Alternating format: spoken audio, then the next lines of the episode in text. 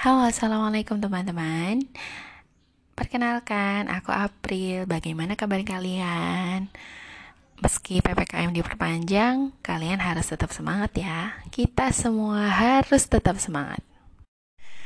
By the way, ini adalah podcast pertama aku.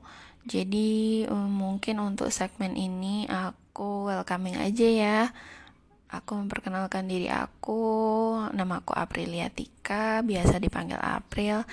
Aku tinggal di Sidoarjo. Aku sudah punya tiga anak. Alhamdulillah.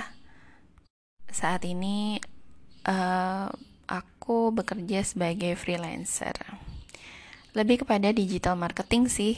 Aku jadi talent seperti itu. Hobi, hobiku singing.